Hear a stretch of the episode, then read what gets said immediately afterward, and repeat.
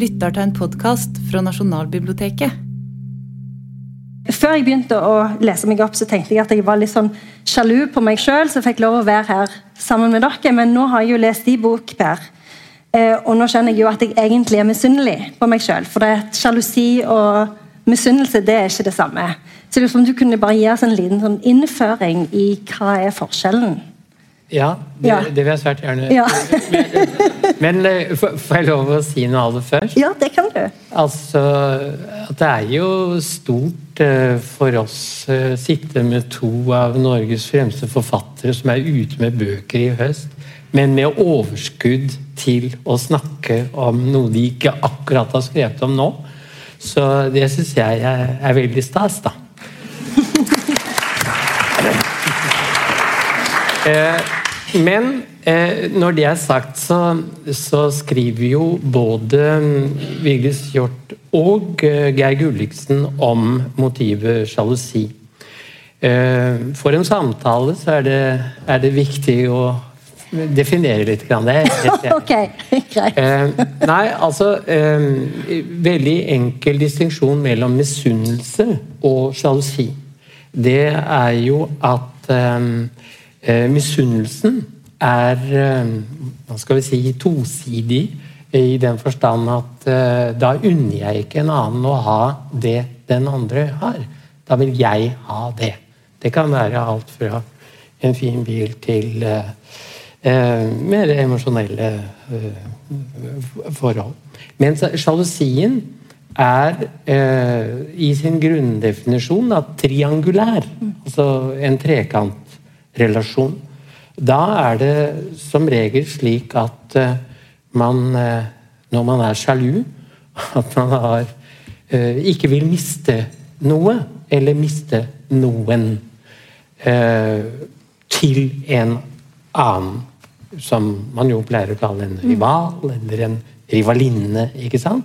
Og så er det da en, et kjærlighetsobjekt, som regel. Altså Det som vi kommer til å snakke mye om eh, sikkert nå, da, det er jo det er jo, hva skal vi si, den voksne eller voksenrelasjonelle sjalusien som ofte er eh, også klare seksuelle ingredienser. ikke sant? Men eh, det finnes jo sjalusi eh, altså på barnenivå som, som ikke er seksualisert. seksualisert. Men det som jeg syns eh, Ja, du har for så vidt i, i en liten samtale foran deg spurt eh, meg vel om hvorfor jeg eh, skriver om dette. Jo, jeg skriver om dette fordi det er, eh, som innlederen sa, eh, et universelt fenomen. Altså, Man finner sjalusi i antikken, man finner sjalusi i dag. Men det artikuleres selvfølgelig på, på ulike måter. Og jeg har lyst til å hente frem en, eh, en artikkel av Freud som eh, siteres veldig mye i faglitteraturen. Eh, selv om jeg er den første til å ville diskutere det empiriske grunnlaget han har. Ikke, altså Freud fikk jo Goethe-prisen i 1930, han var en gudbenådet forfatter. Men det er av og til litt uklart hva som er hans empiriske grunnlag. Men han skildrer altså mellom tre typer sjalusi, som jeg tror at eh, de fleste som har boret litt i dette og lest litt litteratur, eh, skjønnlitteratur ikke minst, vil kjenne seg igjen i. Og det er da altså den helt eh, normale sjalusi, som Freud sier. Eh, og som man også kaller for rivaliserende. Altså ingen eh, som har f.eks. et kjærlighetsforhold, liker at eh, da den man har dette forhold til, viser overdreven interesse for en annen. Altså da, da blir man sjalu. Men så finnes det eh, ganske mange eksempler i litteraturen på at eh, det finnes noe som Freud kaller sjalusi ved projisering. Altså, da kan det være at man, eh, man selv går med bevisste eller ubevisste lyster til å bedra sin kjæreste eller sin ektefelle osv. Men for Guds skyld, det må ikke opp i dagen. Og eh, angrep er det beste forsvar, er det noen som sier. Og så sier man 'Å, jeg vet hva du går og tenker på'. Altså, eh, man anklager den andre for å ha de følelsene man selv har, på en eller annen måte. Og det, det kaller da Freud øh, for eh, sjalusi ved provosering. Så finnes det en type sjalusi som er eh, også klinisk komplisert. Fordi, og Freud eh, assosierer den med begrepet paran paranoia. Paranoid. Altså, det er, det er vanskelige greier, altså. Og, og der Ja, det, det, er sikkert, det, er sikkert, en terapeut eller to i salen, og, og, de vet sikkert litt om det. Eh, nei, fordi da er det jo slik at eh, Altså Da er en sjalu sjalu for enhver pris, og, og helt, helt vill. Og eh, da jeg begynte med dette lille arbeidet mitt, så leste jeg eh, masse Prost altså på sporet av den tapte tid. Og det var han som egentlig sparket meg litt i gang med dette, for jeg ble slått av at denne ekstreme sjalusien var så eh, ekstremt til stede hos han. Og der er det faktisk altså, eh, han, eh, Hans hovedperson er jo fortelleren, som har samme navn som han. Det nevnes bare et par ganger. Der er det altså så ekstremt at fortelleren går inn i forholdet som sjalu. Ikke sant? Så dermed så Han må på en måte finne bekreftelse for at han blir bedratt. Eller at uh, hans kjæreste har, har andre relasjoner. Uh, hos han er det mye mer komplisert enn dette, men i hvert fall dette er en, et litterært eksempel på paranoid uh, slapsi, vil jeg si. Som har sine røtter i barndommen hans. Ja, og ja. Det, er jo, det, er jo, det du tar for deg. Du tar jo for, for deg sjalusien i litteraturen. Og I boka di så sier du òg at sjalusi og litteratur går veldig fint sammen. Kan du fortelle litt mer om det? Ja, nå har jeg da den glede å sitte mellom to forfattere som jeg leser med stor glede og beundrer mye av forskjellige grunner, og lærer mye av. Altså Jeg er av den oppfatning at skjønnlitteraturen, diktningen, er vår eh, viktigste kilde til eh, kunnskap om eh, det mennesket ikke viser frem sånn hele tiden i enhver situasjon. Og der kan jeg igjen påberope Freud. Altså Freud skrev et essay i 1907 og i forordet om en, om en østerriksk forfatter som het Jensen eh, Gradiva. Eh, og der sier han det at eh, dikterne går alltid foran. Dikterne er alltid foran. Vi psykologer så sier han, vi kommer alltid etter. Vi må øse av. Og der vil jeg si, selv om eh, både Vigdis og Geir kan nå eh, kremte og det, der vil jeg si at På en måte så er da diktningen enda større enn dikterne også.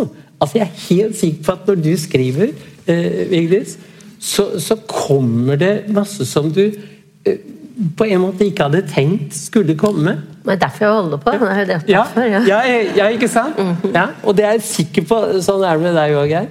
Ja. ja, det er også grunnen til å holde på. Det er jeg helt enig i. Ja. Ja. og Det er jo interessant det du sier om forskjellen. altså at eh, Sjalusi er en sånn en følelse som en eh, er opptatt av å holde på innsida.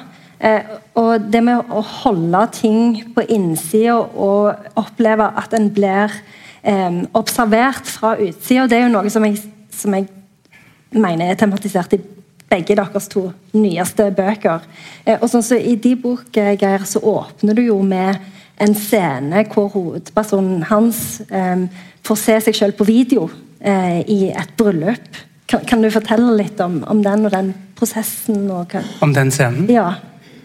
Ja, kan jeg det? Hvis ikke kan jeg gjøre det. Ja. Han er i et bryllup, og han, han, har vært i et bryllup og, og ser en sånn bryllupsvideo etterpå og ser seg selv uh, Men nå vet ikke jeg helt hva, du Nei, skal fram til. altså, men, men, fordi Han er jo veldig opptatt av at han blir liksom betrakta hele tida, og hvordan han framstår for andre. Ja. Eh, og så møter han jo ei i, i det bryllupet som han ikke liker. Eh, men som han likevel inngår eh, et forhold med, av eh, forskjellige grunner. Så, og så bare tenker jeg at det, den følelsen av altså, Sjalusi inngår jo i et, sånn, et kompleks av følelser som en ikke har lyst på en måte hverken å vedkjenne seg eller å vise til utsida. Og For meg så virker det i hvert fall som han helt fra begynnelsen er veldig opptatt av, av det. Og at og, vi, og, vi, ja. og vise hvem, Ja. Mm. eller, ja, hva han viser og hva han ikke viser. Og det, men det forholdet oppstår jo på en måte som du sier, fordi de ikke liker hverandre. Mm. Det, det, jeg tror jo det er eh, Jeg tror ikke det er så uvanlig. på en måte. Jeg vet ikke hvordan dere har det, men, men liksom, det, er, det er så lett å tenke at kjærlighet liksom alltid oppstår eh, Og tiltrekning. Eh, fordi man, man liker den andre så Eller liker hverandre så forferdelig godt. Men dette er altså da to de sitter ved siden av hverandre i et bryllup og må snakke sammen og mislike hverandre. Eh, og den der liksom gjensidige eh, mislikingen eh, det, Den bærer jo på en veldig sånn fascinasjon. I hvert fall Jeg tror at jeg ikke er den eneste som har opplevd det. At, at du liksom instinktivt misliker noen, så må du se på dem hele tiden. Du må liksom kjenne det der stikket av sånn eh, Nei, faen, liksom. Ikke sant? Og, det, og, det, og holder du på sånn lenge nok, så blir det på en eller annen måte kjærlighet. Eller i hvert fall tiltrekning. Ikke sant? Men, Og- og der har jeg bare ly- lyst Ja. til å legge til at Når jeg opplever at jeg umiddelbart føler antipati mot et menneske, så viser det seg uten unntak at det er et menneske som ligner på meg. Så er bare sånn, Jeg liker ikke henne, liksom. Hun sitter og gjør seg til. Og, og, og da er det altså det er fordi det er da et menneske som er bærer av sider som jeg har et ambivalent forhold til, og som trigger meg. Så Det er liksom sånn god le leveregel, syns jeg. Liksom at så, for å forske seg selv. da, Hvis du reagerer med antipati eller sterke negative uh, følelser i møte med noe, så er det en, en mulighet til å lære noe om seg selv. Da. Ja, og, men, og, jeg- og du har jo òg flere bøker hvor du skriver om, om sjalusi. Eh, og da er det jo òg noe som altså, Det er jo også noe som en på en måte ikke har lyst til å vise fram, eller som karakterene ikke har lyst til å vise og vedkjenne seg overfor omverdenen at de på en måte føler. det, Men, men så tar det jo over. Um, hva kan du fortelle? Ja, og det er, jo, det er jo fordi at altså, Hvis du viser at du er sjalu, så viser du at du ikke er trygg. At du ikke er helt suveren i dette med at selvfølgelig elsker han eller hun bare, bare meg. Du, så den, den som er sjalu, er på en eller annen måte opplever seg selv som, som liten, og særlig hvis man handler på sin sjalusi.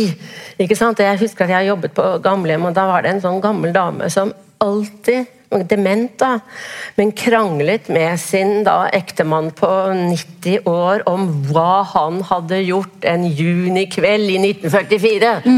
Og det slapp aldri, liksom. Det forundret meg om hva, hva Hva var det som drev henne? Og det må være Det er selvfølgelig da et tegn på at det er et eller annet Du har ikke egentlig elsket meg sånn som Og så hektes det på en sånn, en sånn ting, da. Og, eller som på en annen måte, som, som jeg tror at også gjør seg gjeldende, som du har flere eksempler på.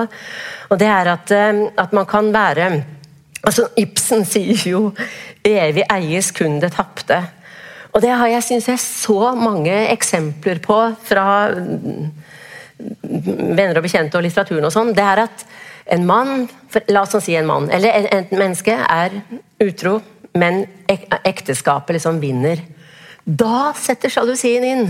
For den, fordi da blir denne mannen, eller den andre ikke fikk, levende som trøst, og som en som og han kommer alltid til å tenke hvordan det ville vært hvis han valgte henne. Så i utgangspunktet er det jo det at man tror jeg det som trigger sjalusien grunnlig, at du aldri kan vite deg ordentlig elsket, og det finnes ingen kontrollspørsmål. som du kan, slik at Dermed så blir du sånn seende på den andre hele tiden. Og det å være sjalu er å leve i en, en sånn verden av tegn. da se, altså sånn, tolke hele tiden, og det blikket på den andre. og Derfor er det også noen som ønsker å få andre sjalu, for det er å få den andres blikk på seg selv uopphørlig. da. Ja, og det er jo noe som du òg snakker om, eh, Per. Og du snakker jo òg om den romantiske ideologien, at sjalusien i vår tid er knytta opp mot den. Ja, men, jeg- men, jeg Men du har lyst til å snakke om noe annet? jeg vil eh, hete meg litt på det Vivi sa, fordi eh, noe av det som eh, mine litterære eksempler da, bekrefter veldig, det er jo dette med uvissheten. Altså usikkerheten. Og også eh, eh, Altså det, u- altså det, det, Hvis en sjalus prosjekt er å få vite alt som skjedde i 1944, et eller annet sånt, eller prosjektet bare er å vite alt som skjedde i fjor sommer Altså hvert sekund, hvert minutt, hver stund. Det lille øyeblikket man ikke fikk en liten SMS eller et eller annet sånt, så, så er man ganske raskt inne i den rene galskap. Og jeg syns at jeg, jeg, eh, jeg syns at Amalie Skram er, veld, er veldig god der, altså. Eh, i, denne romanen som heter 'Forrådt'. Eh, I hennes tilfelle er det jo sånn som det er eh, mange ganger, at det er eh, nærmest Sjalusien er systemisk. I den forstand at det er knyttet til Her er det jo til fornuftsekteskapet, den store aldersforskjellen mellom en erfaren mann og en yngre kvinne under 17 år hos eh, Amalie Skram. Men, og hun går uskyldig inn i ekteskapet og, og har en naiv tanke om at det må mannen også. Eh, Men så viser det seg jo at mannen som er 30 og for å, for å mm, liksom parallellføre til i dag, så er det vel 45 eller noe sånt nå i dag. Det er sikkert For å forstå hvor mye eldre han er da.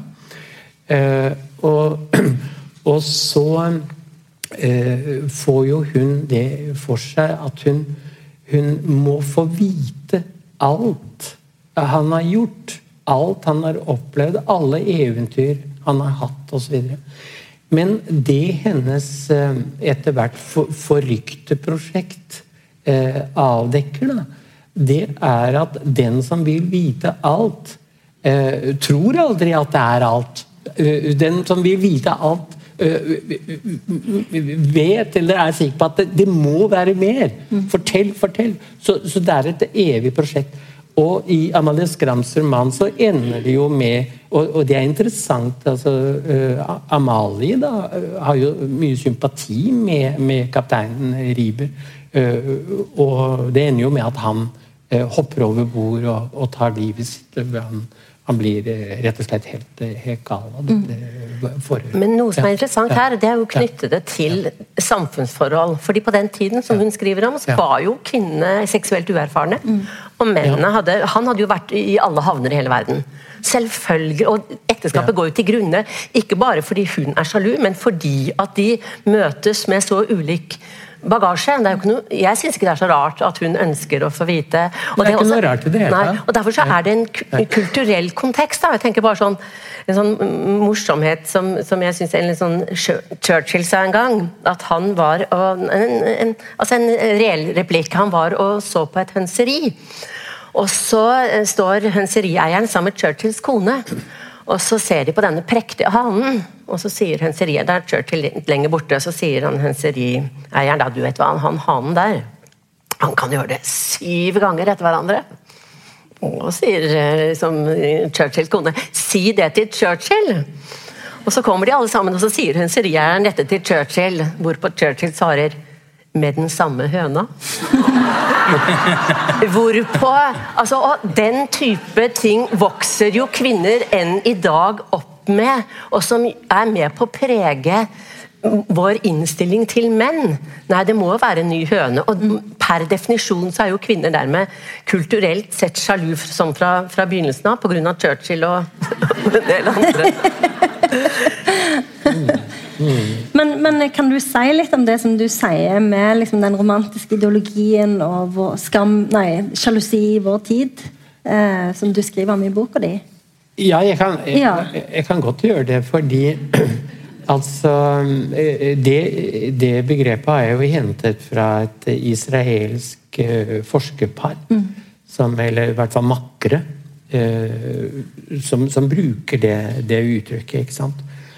Og det de mener med den romantiske ideologien, da, det er jo at eh, ikke bare skal kjærligheten være eksklusiv eh, og, og eh, gjensidig, men man, men man, skal få alt gjennom denne eh, relasjonen. Altså det, det minste lille mm, pek utover relasjonen er uh, truende. Og de knytter jo denne ideologien også til uh, et forskningsarbeid, empirisk forskningsarbeid som de gjorde på partnerdrap. Uh, fordi de mener at altså denne romantiske ideologien, som jo kan bli totalt invaderende og, og, og i alle mulige betydninger ekstrem, den fører altså i siste instans til eh, Ja, du kan godt si med dem så stor fortvilelse at man kan begå de uhyrligste handlinger. Uh, ja. Mm. Og så har du denne her eh, konflikten da, mot, altså mellom det med at forholdet både skal gi deg eh, alt, samtidig som du skal ja. kunne realisere deg sjøl 100 eh, Og det er jo interessant i, i, din bok, tenker jeg, med det forholdet mellom Ingunn og, og Hans, hvor, hvor Ingunn eh, strever veldig for å holde sjalusien sin i sjakk, sånn at de på en måte kan fortsette den romantiske Eller å leve dette romantiske idealet, da. Kan du fortelle ja. litt om det? Ja, nei, jeg, jeg, tror kanskje i den romanen så er det vel noe med at um, Nei, hun kan, Hvis hun begynner å snakke om at hun er sjalu, så, så blir på en måte Hun vet at hun har grunn til å være det. Mm. Eh, og da, da, er det jo plutselig opp i dagen. Mm. Eh, og man kan jo, Det er jo mange måter å løse dette på. ikke sant? Hvis du er i et forhold og du blir sjalu og du vet at du har en slags grunn til det, kan jo også gjøre som henne og tenke liksom Håper det går over. ikke sant? Bare ikke, mm. ikke rote rundt i det. på en måte. Mm. Eh, jeg tror jeg det er nok mange erfaringer som tilsier at det kan være like lurt mm. som eh, hovedpersonen i Amalie Skrams eh, forrådt. Mm. Ikke sant? Mm. Eh, jeg hadde bare lyst til å si at eh, jeg synes det er litt interessant det der når, når Per Buvik tar opp den, den forrådt, fordi, fordi uh, Sjalusien er, er, velbegrunnet og systemisk, som dere begge sier. Men samtidig så er det jo noe med den der Eh, den der, at, den der galskapen som inntrer når du vil vite alt. Men, men, i vår tid så er det jo allikevel litt annerledes, eller hva? Ikke sant? Det er sånn, mm. I vår tid så blir man sammen, og så foretar man den der gjensidige utspørringen. Ikke sant? Fordi de aller fleste nå har jo da vært sammen med flere. Mm. Ikke sant? Og da, da er man litt sånn Uh, du skal fortelle om det, fortelle om så var det hun, og så var det hun, og så fortelle om han, så var det han, og så var det han. Og så er det jo veldig viktig at du kan ha hatt det bra før, men du må jo ikke ha hatt det bedre enn det du har nå. For Guds skyld. Ja, du kan jo ikke det! Hvordan skal det gå? Ikke sant? Uh, og, mens den som er litt sjalu, vil jo ha sannheten. Mm. Eller, eller liksom, kommer aldri til å gi seg. slik at du, hvis, hvis, den som er bitte litt sjalu, får liksom en sånn snev av følelse av at hun som du var sammen med før der igjen. Det var kanskje enda bedre enn dette. Da har du det gående. Mm. Mm. Dette er en veldig interessant maskin, altså, mm. vi si. Mm. Eh, og, og, fantastisk å skrive ut ifra. Fordi den som er sjalu, får så utrolig god fantasi. Altså, den som er sjalu, mm. ser, blir jo synsk. Ser mm. ting som hun eller han ikke kunne ha sett. Eh, og, og, ser ting som kanskje aldri har skjedd men ser det klarere enn en de som eventuelt var med på det, har sett det selv. ikke sant? Mm. Det er jo en fantastisk evne, egentlig. Mm. Mm. Eh, det er akkurat det samme Prost sier, at eh, den, den sjalu får et eget uh, syn. Altså. Ja. Um, dessverre så uh, må vi jo si, i hvert fall i den litteraturen jeg har studert, så viser det seg på slutten at de sjalu har hatt litt rett. altså. Det har, det, har ikke, har ikke bare vært villelse. Men eh, siden, siden, eh, du nå eh, la litt vekt på altså før og, og nå, og, og, det er all grunn til det Altså Så lenge det patriarkalske ekteskapet eh, fantes, så var jo normene klare. ikke sant? Og så lenge skilsmisse var eh, tabuisert, abort var uh, kriminalisert osv., så, videre, så det er klart at vilkåret for uh, samliv overhodet, og så lenge uh, kvinnens rett til utdanning og tilbøyelighet til utdanning var, var, helt annerledes i dag, så var kjønnsrelasjonene helt, helt annerledes. Det er klart. Men like fullt altså, så er menneskene i dag Eh, ja, like sjalu eh, som de, de, var før, men i, innenfor denne nye, eh, moderne, for ikke å si postmoderne rammen. Jeg skriver jo i et kapittel om, om din bok om Bare, og, og, og, kaller jo da dette paret for, for postmoderne i, i, i, den forstand at det er samtidig, samtidig med oss. da. Men før vi eventuelt går litt inn der, så har jeg lyst til å komme med et sitat fra eh, den store franske eh, litteraturteoretiker og essayist eh, Roland Barth. Han skrev jo den boken som, som min kollega Knut Sten Johansen har oversatt så fint til norsk. Altså fragmenter av kjærlighetens språk. Og der, Det er som et slags leksikon, ikke sant? og der er jo sjalusi et oppslag. Så sier, så sier Må jeg si at dette er min bok? Ja, det er det. Ja, jeg beklager. Jeg, Nei, men jeg har bare tatt utropstegn, ser du akkurat her, på det sitatet. Veldig bra. Ja, men det, er, det er det egentlig du som skulle sitere det. Men, eh, men altså, Barth sier som sjalu lider jeg fire ganger. Fordi jeg er sjalu fordi jeg bebreider meg selv for å være det. Fordi jeg er redd for at min sjalusi skal gjøre den elskede vondt. Fordi jeg lar meg tyrannisere av noe banalt. Jeg lider av å være utelukket, av å være aggressiv, av å være gal og av å være alminnelig. Det er ikke lett. Det er ikke, det er ikke lett. Men det er jo veldig tydelig i din Nå sa du kanskje vi skulle vente, men det er jo veldig tydelig i din roman eh, om Bare, for der er det jo hele denne her, altså hun, hun, hun, drives jo veldig av denne sjalusien sin, denne hovedpersonen Ida. Eh, men, men, samtidig så, så, så klarer hun altså, Hun prøver liksom å legge lokk på det, men samtidig så blir det jo veldig tydelig for alle at hun er sjalu. Sånn f.eks. hun maser på søstera om hva han holder på med, han her Arnold. Og, og det blir jo veldig sånn skamfullt. Men er det, er det, skamfullt å være sjalu i vår tid? Ja, altså det er fordi det viser jo sånn som du sier, at man skammer seg, og det er banalt. Og det er alminnelig, liksom. Og det, mm. du vet du vil ha kontroll over en annen, og du eh, og, sånn, og, og jeg husker, jeg tror det er Ida i en situasjon der hvor eller skal jeg si eller, eller var det meg? Men det, det, samme, det, samme, kan det være. Jeg kan si at det var meg, da. Det er ikke sikkert det er mer Det var Ida. Men, Ida. Ja, ja, ja men, men, ikke, men, jeg har i hvert fall opplevd en gang altså, man, jeg, Det er en veldig skarpe skott mellom eh, litteratur og, og, virkelighet. Men det betyr jo ikke at man opplever episoder som man kan hente inn i bøker. Men, men um, dette er faktisk Ida. Ida hun, fått, hun vet at Arnold er på et seminar i København. Det har han vært ærlig og åpen opp, men han vil aldri finne på å være sammen med noen andre enn Ida. Han er veldig glad i Ida. Ida har fått snusen i at det er en tidligere studine av Arnold som heter Gro, som skal på seminaret.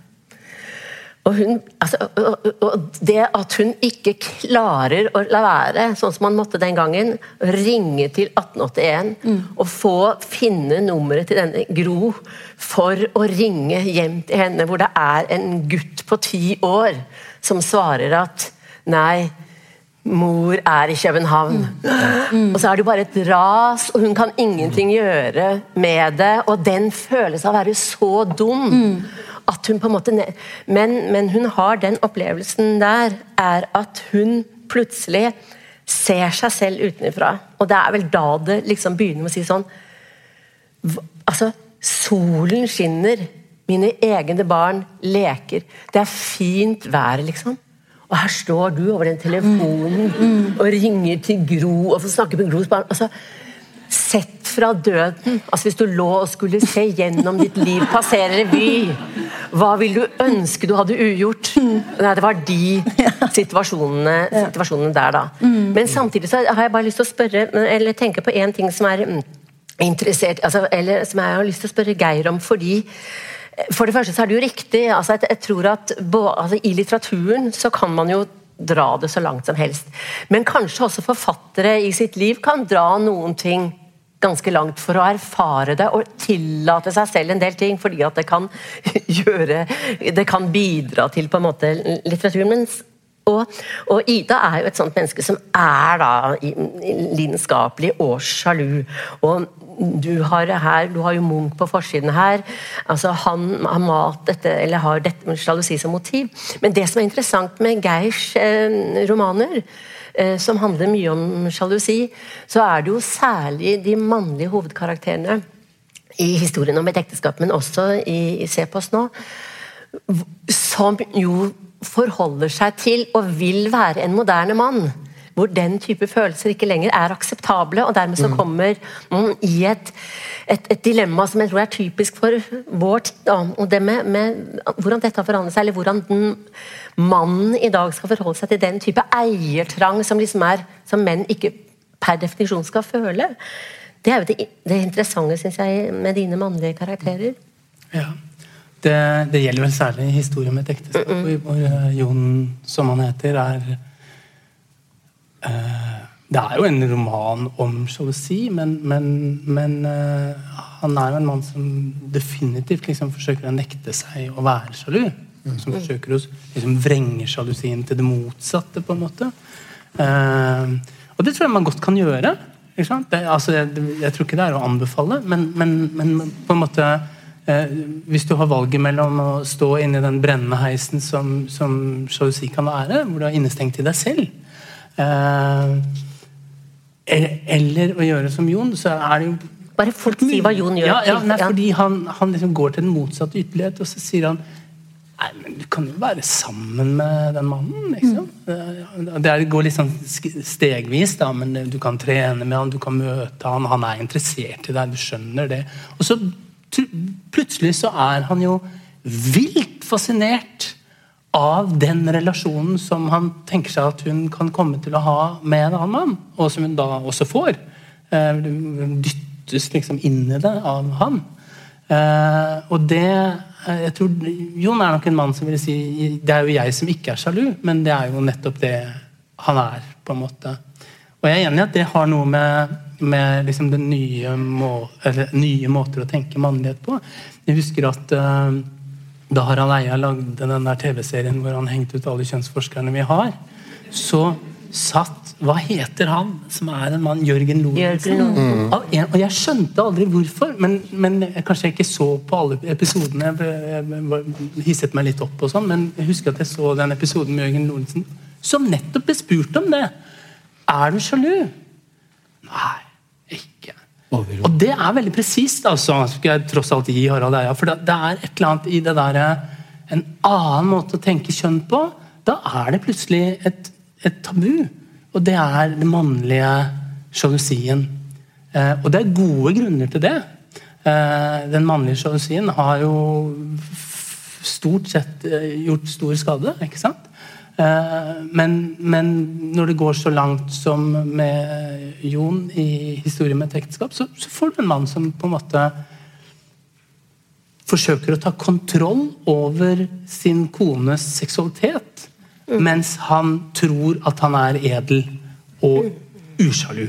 på en måte. Mm. Alle skjønner at det går galt. Altså, det, er ikke, det er ikke en roman hvor man liksom lurer på om de blir skilt eller blir ikke skilt, men det er måten det går galt på som, som jeg tror er, eller som interesserte meg. da. Ja. Det, det er et aspekt ved, ved denne gode romanen som, som du heller ikke nevner nå. Og, og det er at um, dette ekteskapet mellom Jon og hva, hva heter hun? Timmy. Ja, det, ja selvfølgelig. Timmy. Um, altså, de har jo et veldig, veldig godt og, og, og flott forhold. Men uh, erotisk så inngår jo i eh, deres forhold fantasier om at de er sammen med andre. ikke sant? Uh, og det er Det syns jeg er i hvert fall veldig interessant. at du, uh, Når du skildrer forskjellen på det å fantasere om og det å gjøre, uh, det blir ganske forskjellig. Fordi du sier at han vil ta kontroll over hennes eh, følelser. Men det som skjer, jo er at det blir umulig. Fordi hun trekker seg vekk. Og mm, nå skal ikke jeg lese opp den siste uh, siden her, men det er jo forferdelig trist. Uh, slutten, siste gangen de er, er sammen i sengen, og, og, og de ikke lenger har noe med hverandre å gjøre. Men uh, de, jeg lov å si en ting til? Eh, det er jo at eh, på mange måter så handler dette om en, eh, en form for suspendert sjalusi, kan man si. Altså en sjalusi som ikke får slippe til, og vi har vært innom årsaker til hvorfor. Men desto mer interessant syns jeg det er da at ordet sjalusi opptrer, faktisk. Eh, jeg har funnet to ganger, du kan, du kan arrestere meg selvfølgelig, at det er tre ganger, men, men Jeg visste ikke at du var to engang. jo. Eh, altså, det, eh, det, det kommer eh, Apropos eh, noe helt tilsvarende man finner hos Bos også. Jeg er blitt synsk, og jeg finner tegn overalt. Da er vi på et veldig sent stadium. ikke sant? Eh, da er det i realiteten over.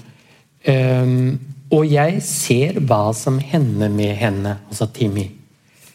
Og så kommer plutselig Sjalusien virker på den måten. Den gjør meg i stand til å se alt som skjer, lenge før det skjer. Jeg har forutsett dette så lenge at jeg fikk det til å skje. Slik føles det. Eh, og eh, faktisk også i Om bare, hvor, hvor jo sjalusi er et ord som kommer igjen veldig ofte. Og, og hvor begge de to, eh, både Ida og Arnold, er, er sjalu. Eh, der er jo også Idas sjalusi på, på en måte et, et klarsyn også, da. Altså får henne til å se skarpere på mange, mange ting. Mm, ja. Nei, men det er, jo, det er jo ikke Altså, det er jo mange grunner til å være sjalu ofte. altså, ikke sant? Så det er jo, man skal jo ikke bare kimse av den følelsen, arrestere arrestere den følelsen. Og hvis noen setter den følelsen i gang i deg, med vilje, med viten og vilje Fordi det er jo veldig vondt å være sjalu. Det er både en sånn litt fornedrende følelse, og så er det vondt, og den slipper ikke taket, og så krever den en form for handling, og så er det en hvilken som helst handling helt umulig og vil bare gjøre det, gjøre det verre. Og når noen setter i gang den, altså og setter i gang et form for spill, og det er vel det som skjer litt med, med Arnold og, og, og Ida, hvor Ida på et eller annet tidspunkt forstår at når han forteller at han har vært utro, og hun faller helt fysisk sammen på gulvet, liksom, og ikke klarer å reise seg opp, så, sitt, så får han næring. Så mye elsker hun meg. Og det der når du merker at du blir satt i spill med vonde følelser for at den andre skal få, få næring da, Idet du ser det, så begynner jo en ødeleggelse som den som spiller, kanskje ikke egentlig alltid forutser. da. Men kan det òg være positivt? Altså kan, kan sjalusien òg fungere positivt i et forhold, eller er det alltid destruktivt og ødeleggende? Altså jeg tenker på, altså, no, Det å være veldig forelsket eller det å være sjalu, og sånn, det er jo på en måte av og til å være en litt sånn en form for sånn galskap, eller altså parallelle virkeligheter som, som jeg av og til også syns det er altså sånn rent personlig, men også kanskje særlig som forfatter, som jeg syns det er spennende å være i. Mm. Altså man kan godt, altså det å Dikte seg en, en verden hvor liksom du blir bedratt hele tiden, og så gå nære deg på at du er bedratt, og, og fantasere og gå videre. Men jeg kan bare ta, være veldig sånn konkret, bare så dere kan skjønne litt hvordan jeg mener. altså dere vet at Når man er gift, så skal man ikke kysse andre enn den man er gift med. Men det gjorde jeg en gang. Og jeg, Dette var en sånn vårdag, og jeg husker at jeg var veldig sånn følsom da. Liksom, både litt sånn skamfull og litt sånn oppgitt og litt sånn, sånn melankolsk. Og jeg leste poesi og vannet blomstene og flyttet fra den ene vinduskarmen til den andre. Og det var vår, og gardinene vaiet. og jeg vannet blomster og sagt, leste poesi, hørte musikk. Og så kommer mannen min hjem sent om kvelden. Og så legger han seg, og så roper han på meg. Og denne andre mannen som jeg har kysset, han har også tatt meg på puppen. Det hører, hører meg til. Dere det er ganske viktig å nevne. Ja, ja, men det er veldig ja. viktig. Det vil dere forstå. Fordi så roper han på meg, så skal jeg gå inn på soverommet. Og så vil jeg kle av meg i mørket. Så jeg skrur av lyset, kler av meg, så tar jeg over brystet der hvor den andre mannen har tatt. Og så kjenner jeg på en flekk på brystet at det vokser helt stive, spisse hår. Og jeg får akkurat som en sånn, Det er akkurat som gulvet begynner å gynge. Det er helt mørkt rundt meg. Og jeg tenker to ting. Straff. Gud fins. Mm. Ja, det Gud fantes, hadde konkludert på at han ikke finnes hvis han finnes med for andre hele mitt liv. liksom, ikke sant? Han, Gud finnes straff. Og så tenkte jeg han tok ikke bare der. Tenk om det sprer seg! Så løper jeg inn på badet og så ser jeg ned på den flekken. På en rød flekk så vokser helt stive, blanke, spisse hår. Akkurat som grisebust. Akkurat som kaktus. Og så er det fordi jeg har båret kaktusen fra den ene vinduskarmen. Og da kan jeg si til mannen min sånn det er kaktus! Ikke noe straff eller sånn. Um, og så sier han når han skal ta det ut med en pinsett da, du må ikke gjøre det igjen. Nei, Nei jeg skal ikke gjøre det igjen. Men det er, et veldig, er veldig, det er et godt eksempel på ikke bare at vi bærer vår barndom, men også er vi så vant til Vi er jo psykoanalytiske i hodet alle sammen. Men det vi nettopp har opplevd i en situasjon, er med oss inn og tolke det neste. Så hvis jeg ikke hadde kysset en annen mann, hadde ikke hatt dårlig samvittighet for det, mm. så ville jeg ikke tolket den kaktusen som et eh, gudsbevis og en, en, straff. Og det er en form for sånn tolkningsarbeid som eh, skjer innmari Som skjer i, hos alle mennesker, tror jeg, hele tiden. Mm. Men jeg tror kanskje at forfattere eller kunstnere er mer obs på det og tillater seg det, for de henter noe kreativt der. da. De tillater seg å gå langt i sin tankeverden, og enten det gjelder om man blir bedratt, eller om man kommer til å bedra, osv. Så, videre. så jeg tror nok at det er det hører, altså, Man kan utvikle evnen til å oppleve i sin skriving eller sin tankeverden følelser som er egentlig kanskje fremmed for hva han egentlig handler på i sitt eget liv. Da. Ja, og Det er jo også veldig interessant i bøkene deres det med at eh, sjalusien er ikke alltid det det gir, seg, altså, gir, seg, ut for å være. For det trenger ikke være knytta akkurat til den personen eller den episoden. Det kan være noe som er et helt annet sted i barndommen eller hvor som helst. Og Det er jo noe som du snakker om, Per, og, og når du snakker om hvor kompleks sjalusien er. Ja, ja, fordi altså Sjalusi, eh, som vi nå har snakket om som om det var én følelse, er jo ikke én følelse. Nei. Det er et uh, følelseskompleks. Um, altså Hovedingrediensen i, i sjalusi kan jo være sorg. Og, og, Freud er jo den første som sammenligner den sjalus reaksjonen med en, med en sørgenes uh, reaksjon. Men det vet vi fra litteraturen og fra virkeligheten det kan også være forbundet med, med hevngjerrighet. Eh, til og med med hat. Og jeg har jo et kapittel om en fantastisk eh, lang novelle av eh, Tolstoy som heter 'Kreuzersonaten'. Og der, der og dette er faktisk viktig også innenfor i, om bare, men det er denne pendlingen mellom kjærlighet og hat. Mm. Det er jo Som kommer veldig klart til, til uttrykk i, i, forbindelse med, med sjalusi, mistenksomhet og, og, og svik, usikkerhet eh, osv. Men det er jo eh, helt opplagt at når sjalusi kan sies å være eh, hva skal jeg si, et såpass universelt eller i hvert fall allment fenomen som det er, så er det jo nettopp fordi det er forankret i grunnleggende barndomsopplevelser. Uh, som blir gjenopplevd. Altså uh, Alle har i barndommen vært i en eller annen situasjon som, uh, som har satt sine spor. Og, og, det er jo er klart at altså Jeg skal ikke drive dette for langt, men, men, men en partner får jo på mange måter også en hva skal si, en rolle som, som foreldrene i en veldig vid forstand, eller en omsorgsperson, hadde eh, da man var bitte, bitte, liten. Og det er interessant, for eksempel, eh, Siden vi nå har eh, snakket om, om bare, så, så, er jo dette med barndom og eh, psykologisk analyse også, det er jo et motiv i, i denne romanen. Mens du, Geir, f.eks. i denne uh, historien om et ekteskap, så Du må arrestere meg, men eh, jeg tror ikke du skriver så mye om barndom og liksom tilbakeforliggende forklaringsmåter. Men hvis man tar Prost, f.eks., så er det jo helt, helt klart altså Han går jo eh, inn i sånne traumatiske opplevelser. Eh, og denne fortelleren til Prost han er jo overfølsom til det sykelige, så han kan jo få traumer av at mamma ikke kommer opp og kysser ham god natt en kveld.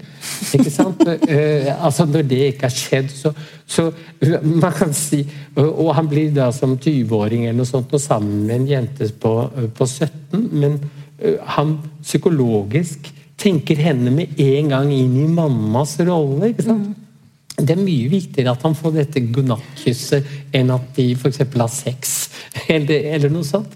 Altså, det, så, så, at barndommen er med oss, det, det tror jeg at uh, Jeg kan si det så enkelt at uh, det, det, viser litteraturen, og, og selvfølgelig psykologien. Mm. Ja. Men, uh, men sånn så i din for I den nyeste boken din så snakker du heller jo ikke noe sånn, særlig om barndom, men der er det jo også litt sånn at sjalusi kunne vært noe positivt. sånn Så Ingunn prøver jo å få Hans til å vise at han er sjalu, for å liksom se om det er noe der om kjærligheten. Så der er det jo et potensielt tegn på at kjærligheten fremdeles lever, at den ikke er død. Og det er jo noe som du snakker om. Mm. Eh, ja, hun tar kontakt med en sånn gamle, gamle kjæreste. Eh, og det, er, det, gjør man jo gjerne. Det, jeg tror det det tror jeg er litt sånn allment. At når du virkelig er i trøbbel liksom, i kjærlighetslivet, så begynner du å lete litt sånn tilbake til uh, videregående skole og rundt der. Sånn, så er det nesten alltid en eller annen eh, som du kan liksom Men det var henne, liksom. Det var jo egentlig henne. Og nå som folk roter rundt på nettet, og sånn, så er det så utrolig lett at man får kontakt. Og plutselig har du begynt å snakke sånn som hun gjør da Plutselig så snakker hun med en som hun var sammen med da hun var 17, og han er singel. Og han sier ja, du var så viktig for meg. Og hun er i en sånn situasjon hvor det er det hun trenger mer enn noe annet. Det er at mm. noen kommer og liksom gjenoppretter hennes verdi og sier For meg var du den viktigste. Mm. på en måte. Eh, så, og sånne ting skjer dessverre Eh, tror jeg, ofte når man virkelig trenger det. fordi det blir jo bare tull av det. Mm. Sånn at Hans blir ikke sjalu, for han er opptatt av noe helt annet. Uh, og det er, er, er, vel som regel feil å gå tilbake og bli sammen med folk man har vært sammen med før. Det, det, det er i hvert fall det i din siste bok. Ja, i hvert fall der. Ja. Mm. Hvert fall der. Ja. Så når noen ringer fra videregående, så vet du at de er i krise? ja. Ja, da må du være litt forsiktig med hva du gjør, faktisk. Eh, det tror jeg er et godt råd, altså. Mm. faktisk. Men, nei, men jeg, og jeg skjønner eh, alt dere sier om barndom, og jeg, det er ikke det at jeg ikke er enig, men, men jeg merker at jeg reagerer litt hver gang det blir sagt. Fordi det er sånn Ja, men sjalusi kan du gjerne oppleve. Det er lett å oppleve uten at du har opplevd det som barn. Mm. Jeg, er enig, jeg er enig i at det er antagelig umulig å gå gjennom en barndom uten å oppleve sjalusi. Men men om du hadde klart det, så ville du likevel kunne falle som en stein altså mm. ned i den der brennende pølen, mm. mm. på en måte.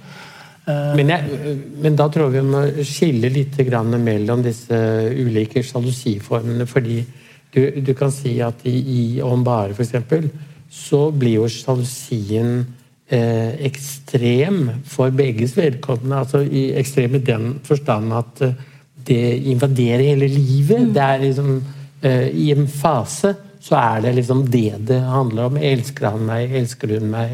Du Men er ikke sjalusien i om bare på et eller annet tidspunkt også en veldig viktig del av liksom, kjærlighetsmotoren? Jo, selvfølgelig. Ikke sant? Jo, Ja. selvfølgelig. Ja. Men, men det er det jeg mener at eh, når det, når det tar all oppmerksomheten, krefter, de psykiske kreftene, da tror jeg at det er grunn til å kikke litt på forhistorien, da. Mens, eh, mens dine menn, de, de eh, virker jo Altså litt for kule, kanskje, da. For det, det, er, det, er mye de, det er jo mye som går gærent, som de ikke har kontroll over. Men, men de virker jo ikke på noen måte nevrotiske eller eller Syns ikke det, nei. Nei. Jeg ble litt fornærma, Det faktisk. er- Nei, gjør, gjør de det? Nei, jeg tenker jeg en mann, det. en mann som ikke forstår at han er sjalu, at han er sjalu Ja, og som er- på en måte iverksetter eh, at, i at han blir forlatt.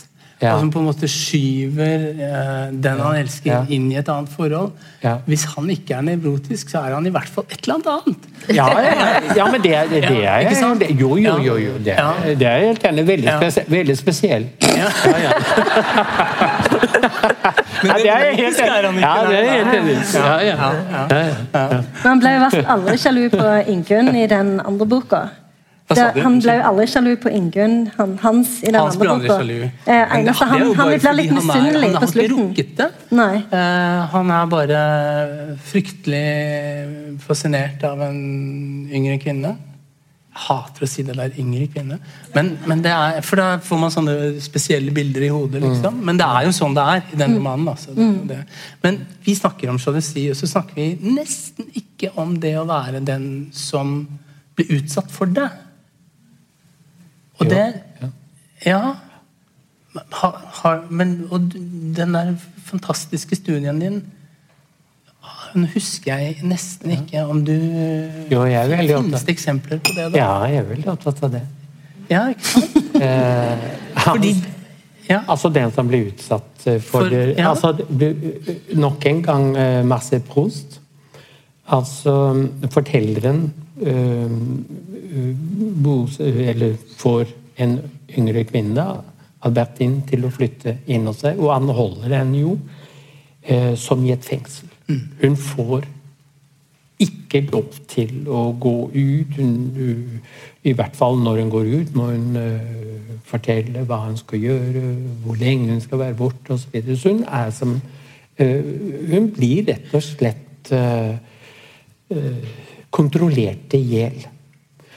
Det som skjer, er jo også da at til slutt så, så holder hun ikke ut mer. Og en, har, han har vært inne på tanken at eh, han er lei av henne, og nå kan hun bare dra seg vei. Men da hun gjør det, for hun gjør det, og så reiser hun til eh, tanten sin litt eh, sør i Frankrike isteden, eh, da raser jo alt for ham. Men da er perspektivet hennes, altså, eh, som har vært utsatt for denne eh, ekstreme sånn. Men du skriver også om en som er sjalu, sjalu i ettertid. Ja. Etter at, det er litt interessant, syns jeg. Ja, det syns jeg òg. Ja. Eh, ja, ja eh, skal vi Ja, vi kan det. Ja, men kan det Ja, altså det er, en, det, det, er en, det er en annen fransk samtidsforfatterinne som jeg faktisk holdt på å oversette nå, eh, som heter Annie Ernaux. Eh, det var et essay om henne i Klassekampen for eh, tre uker siden, tror jeg. Eh, og der er det altså en, eh, en eh, kvinnelig forfatter som er apropos 29 år eldre enn en sin elsker. Så blir hun lei av ham og eh, ja, gir han på båten. Men de, de fortsetter å treffes sånn helt uforbindelig og drikke kaffe og prate osv. Men de, er ikke kjærester lenger. Så forteller han til henne en dag Vet du, nå har jeg fått meg en ny kjæreste. Og hun Ada, hun blir helt desperat. Hun blir helt vill. det som fyller hennes liv fra da av, det er å få vite hvem er denne kvinnen? Hvordan er hun? Hvordan lever hun? Hva gjør de sammen? Altså det, er helt, helt ekstremt i, i etterkant. Ja. Så er det noen veldig fine beskrivelser der av uh, en sjalusi overfor ikke, egentlig overfor det seksuelle, det er det sikkert også. Jeg har ikke lest boken, jeg har bare lest det du siterer. Ja, ja, men overfor de der De tilbringer kvelder sammen hjemme at de spiser spagetti sammen. Mm. Eh, mm. At de ser på et eller annet på TV. altså sånne, Den sjalusien! Den er fæl, den. Ja? Mm. Men samtidig så, så, tenker jeg at det, at det er altså hun, er jo, hun er jo forfatter. Hun, um, ja, ja, ja, hun er det, men også hovedperson, ja, hovedpersonen. hovedpersonen også. Og, og det, det, jeg tenker på at den heter jo okkupasjon. Altså, det er jo, jeg tenker på sånt, men det er et, det er et det er et litterært prosjekt jeg godt kan tenke meg inn i. Altså det, mm. det, er en virkelig interessant uh, prosjekt. En du er helt ferdig med, egentlig noe sånt. Mm. Og så kommer ny kvinne inn, og så mm. er det bare finne ut, spionere, mm. nedverdige seg, snike seg ut om natten. Mm. altså liksom Kle seg ut! Mm. Jeg begynner allerede å glede meg til å skrive. skrive sånn sett, så, så, og, tenk, og, så, og, hun sier noe enormt fint, eller du siterer noe veldig fint. Hun, veldig veldig fin forfatter for øvrig. Den som heter 'En lidenskap', er jo også mm. fantastisk. Uh, og små, korte bøker også.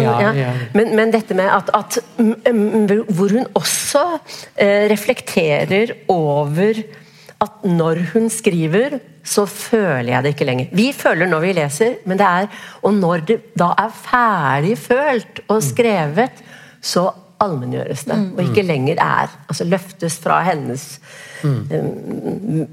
og opp da i allmennheten. Og det er jo For de som ikke tror det, så er det nok sånn som både Geir og jeg også holder på. Mm. At det er liksom sånn, uansett hva man har vært med på i sitt liv og sånn, for at, altså at skriveprosessen løfter det ut og allmenngjør. mm. allmenngjør. Altså det er en del av hele greia, liksom. Det er veldig glad Men, hun, men hun, hun, skriver det veldig fint. Hun beskriver akkurat den prosessen veldig bra. Ja, hun gjør det. Hun er veldig bevisst. Det var veldig flott at du sa det. Uh, og uh, da vil jeg bare kaste meg på å si at jeg har sett en filmatisering av denne uh, okkupasjonen. Og nå må jeg vokte meg, kanskje. Det kanskje sitter film, filmfolk som elsker den filmen. Men det var forferdelige greier. Altså, da tenkte jeg at, at Altså litteraturen, mine damer og herrer. Litteraturen! Ja, ja, ja.